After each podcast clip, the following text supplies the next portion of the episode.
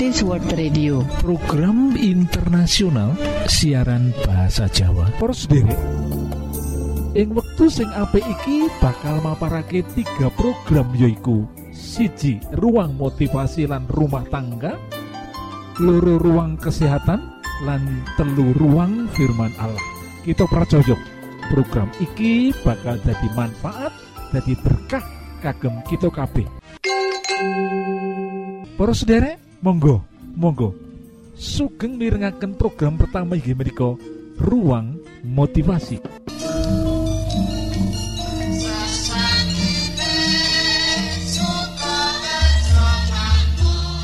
Judul motivasi kita yang waktu iki yaitu tujuh sikap bijaksana saat membesarkan anak-anak bagian ke-6 supaya kita ora dadi wong tua sing kecewa lan sakit hati Para selirik, ora ana wong tua sing ora duwe pengarep-arep utawa harapan untuk anak-anak el. Pada masa kecil kita berharap sebagai orang tua supaya anak-anak kita itu bertumbuh kanti sempurna, sehat rohani, fisik lan mental. Kita uga berharap dheweke bisa sekolah kanthi apik lan duweni prestasi sing apik ana ing sekolahan kalau masa dewasa kita berharap anak-anak kita bakal duweni pekerjaan sing mapan. Apa dadi pegawai negeri? Apa dadi pengusaha? Apa dadi pedagang? Apa dadi guru? Apa dadi dokter? Apa dadi perawat insinyur? Iku kabeh merupakan pengarep-arep kita.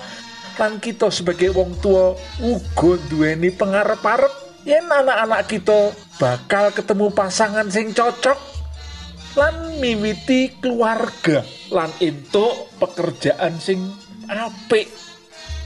Kuwi kabeh merupakan pengarep-arep loh harapan kita sebagai orang tua kepada anak-anak loh nanging para sederek kasu nyatane kenyataannya anak-anak orang mesti koyo opo sing kita angen-angenake kita pengen anak-anak kita bertumbuh jadi pedagang.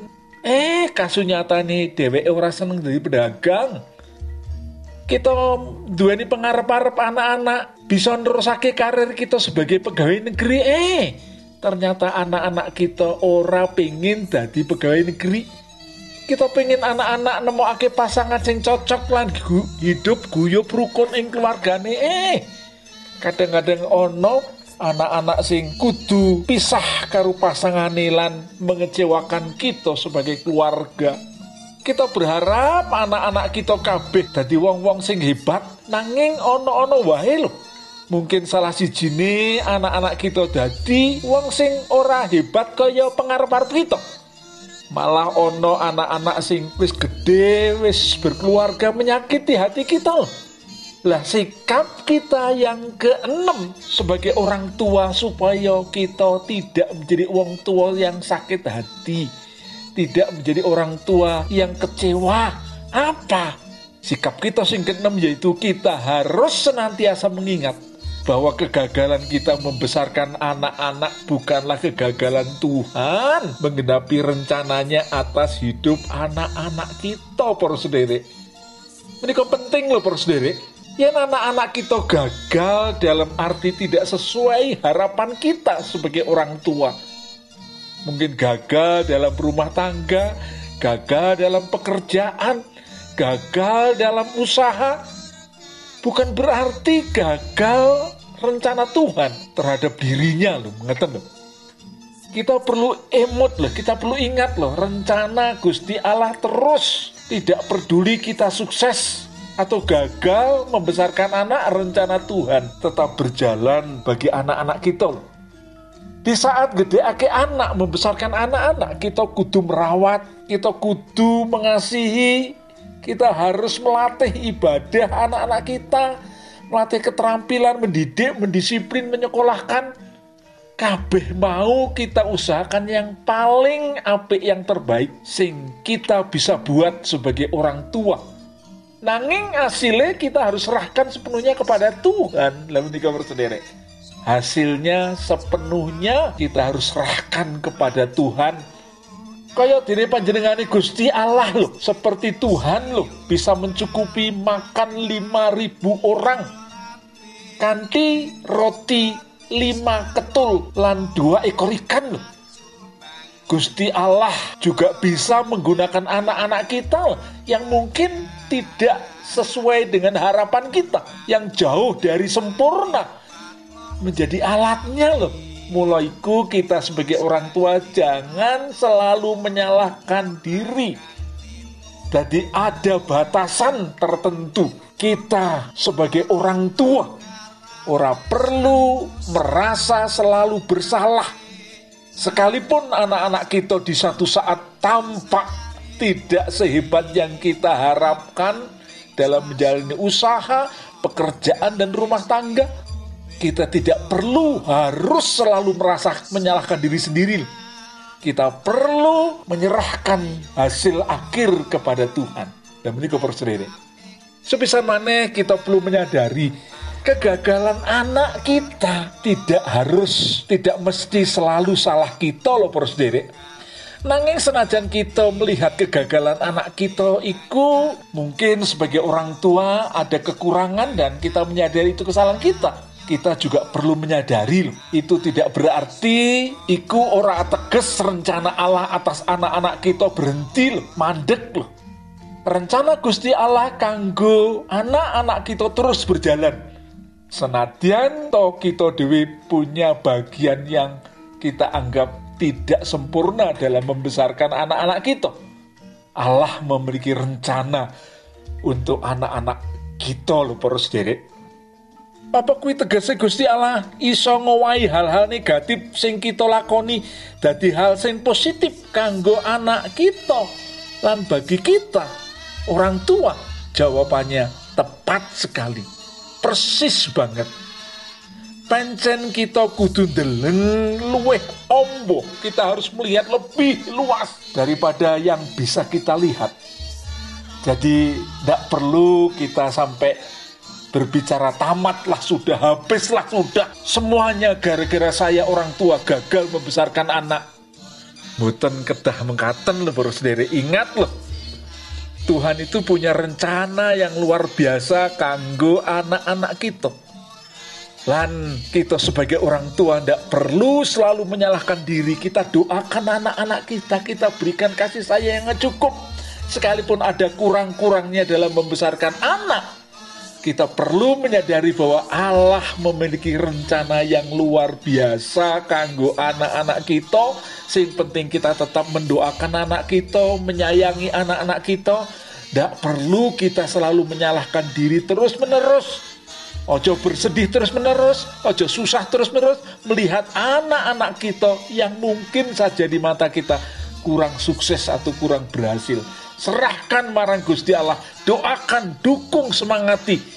Ada rencana yang indah saking Gusti Allah untuk anak-anak kita. Gusti berkahi.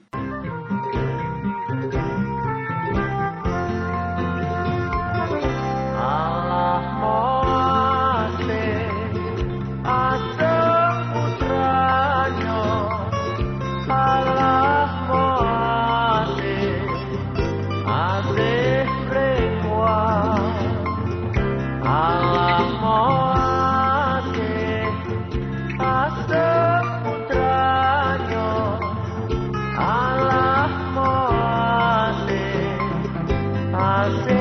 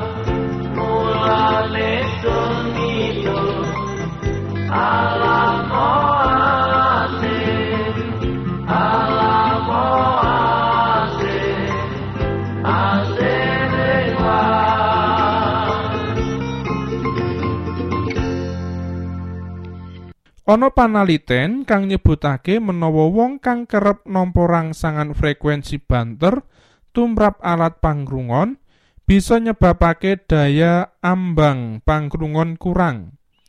Sawenehe wong mau ora bisa mbedakake frekuensi kang alus. Amarga biasa krungu frekuensi banter abot kang dhuwur mula nilai ambang kanggone pangrungon suda. Miturut panaliten para pemusik rock rata-rata pangrungone suda amarga kerep nampa rangsangan saka musik kang seru utawa banter. Ing lingkungan industri, kang saben dina ana swara saka mesin alat berat, sawenehe penduduk ing lingkungan kuwi pangrungone bisa suda. Kahanan mangkene iki wis nate katliti ing Amerika Serikat lan Jerman. kang nyebutake menawa anane frekuensi swara kang dhuwur wong tambah gelisah ora gampang turu lan nilai ambang pangkrungone bisa kurang. Kahanan lingkungan kita tumrape pangkrungon pancen ana watese. Menawa wates mau dilanggar alat kita bisa kaganggu. Gangguan kang paling ala ya kuwi suda ing pangkrungon Dene kang parah bisa nyebabake gangguan tumprap kajiwan. Bab kajiwan mau ana gandenge karo masalah lingkungan lan ing fungsi alat tubuh liyane. Kahanan iki bisa dideleng marang kewan pacoban. Ing peternakan kang cedhak karo berbekan swara bising, para pemilik ternak ayam padha sambat menawa produksi endoke ayam mau kurang. Dadi menawa kahanan iki digandhengake karo kahanane wong, bisa uga wong mau keganggu fal badane. Ananging amarga kahanan mau durung menehi pengaruh kang cetha, dadi ing manungsa kahanan mau ora katon. Sapa weruh amarga ana ing kewan mau bisa menehi pengaruh marang wetune endok, tumrap manungsa bisa uga kahanan pencemaran lingkungan saka swara mau nyebabake gangguan ing bab wetune ovum. Menawa kahanan ing kewan mau bisa sithik derajate, mula saka kuwi pancemaran pangkrungon sanajan kaya ngapa kudu oleh kawigaten. Ing kahanan saiki bab kang kaya mengkono mau durung oleh kawigaten. Nanging amarga anane industri-industri lan liya-liyane maneh bisa uga ing dina sateruse bakal ana pengaruhe pencemaran swara tumrap lingkungan kita kang nyebabake gangguan marang kasarasan kita.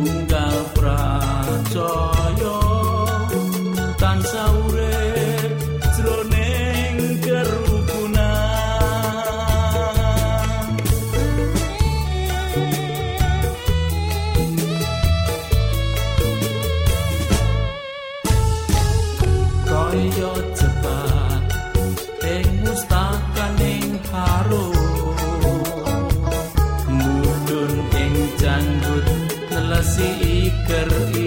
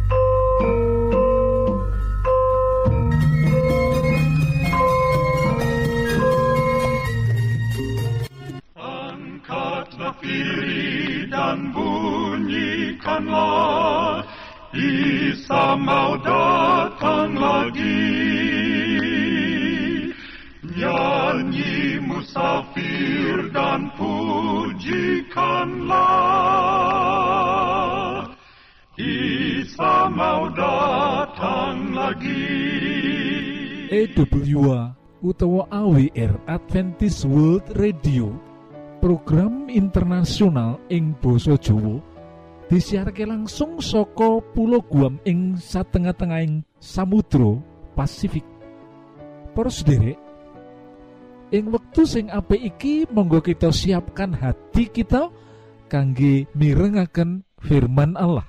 Datang lagi datang lagi Isa mau datang lagi. Para sutresno kang dikasih dening Yesus Kristus. Ana sawijining pemuda sing nyopir mobile kanthi cepet banget. Sebab krungu yen wong tuane sedo ing dina asiku. Pikirane kacau. Kenapa wong tua sing katon sehat-sehat iku kok ujug-ujug wae tindake? Kenapa kudu saiki sedo? Kenapa ora mengko wae yen aku wis bisa nyenengake penggalihe?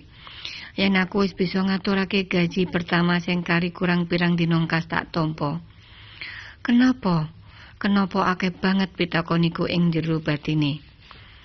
Saking sedih lan kuciwa, ditambah lamunane sing ora marem ing bab tetane bapake kanthi dadakan iku ora krasa.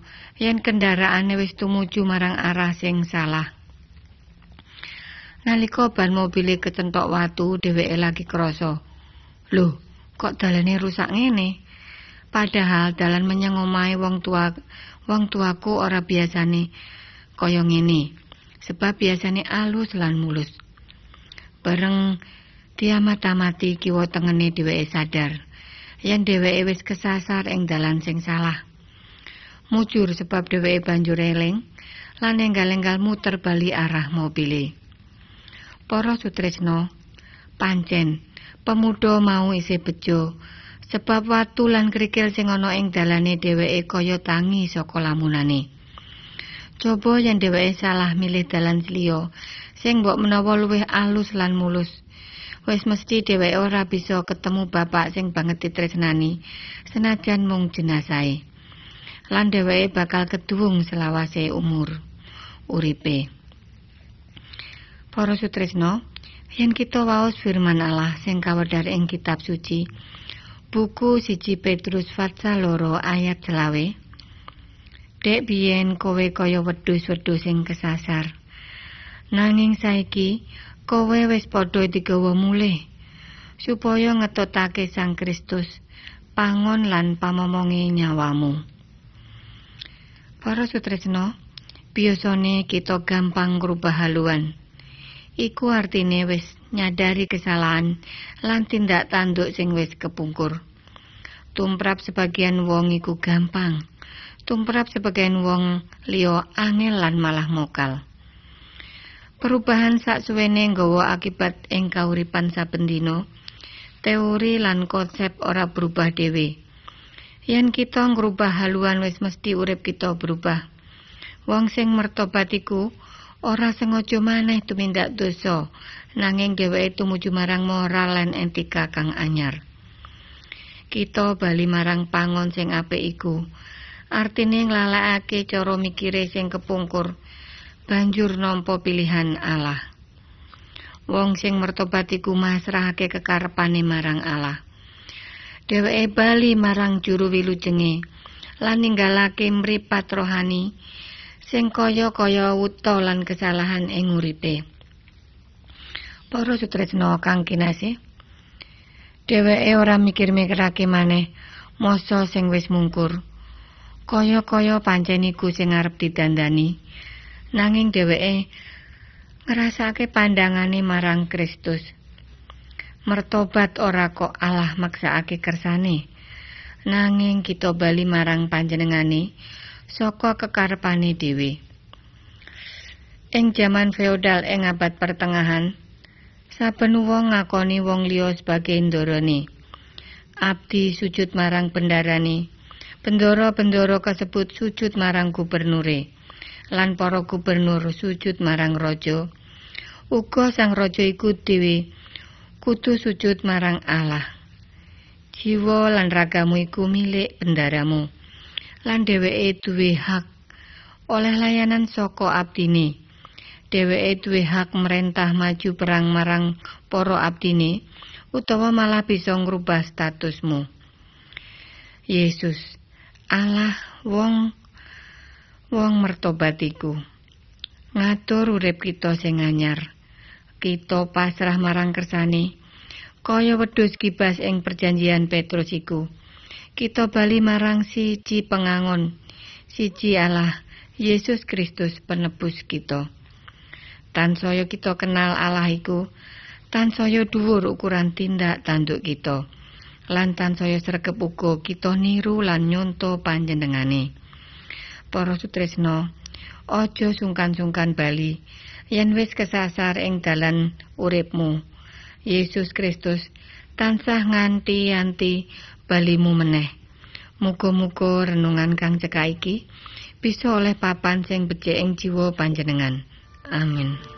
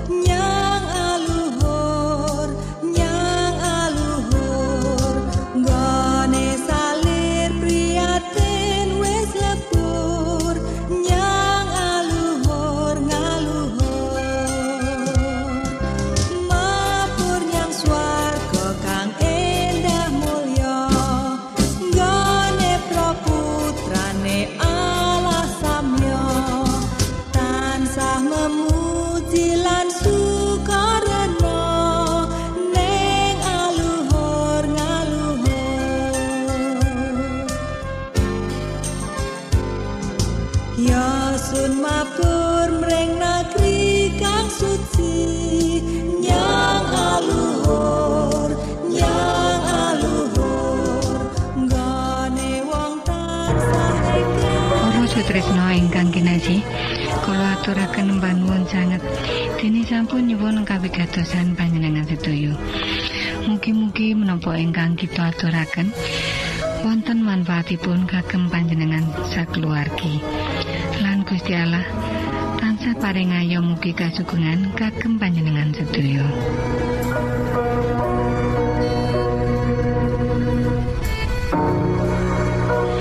Kita ingkang tugas jagi wonten studio nyuwun pamit badhe mundur. pilih wonten pitaken-pitaken utawi unjuin atur masukan-masukan lan menawi panjenengan gadah kepengingan ingkang lebet. Badhe sinau bab pangantikaning Gusti lumantar kursus Alkitab tertulis Monggo. 3 Advent suara pengharapan PO Box wolu enul songo enul Jakarta setunggal kali wolu setunggal enul Indonesia. Panjenengan saged mlebet jejaring sosial Kawulo inggih menika Facebook pendengar radio Advent suara pengharapan utawi radio Advent suara pengharapan. Saran-saran pitaken ugi tanggapan panjenengan tansah kawulo tenggo. Lan saking studio kula ngaturaken bumi panuwun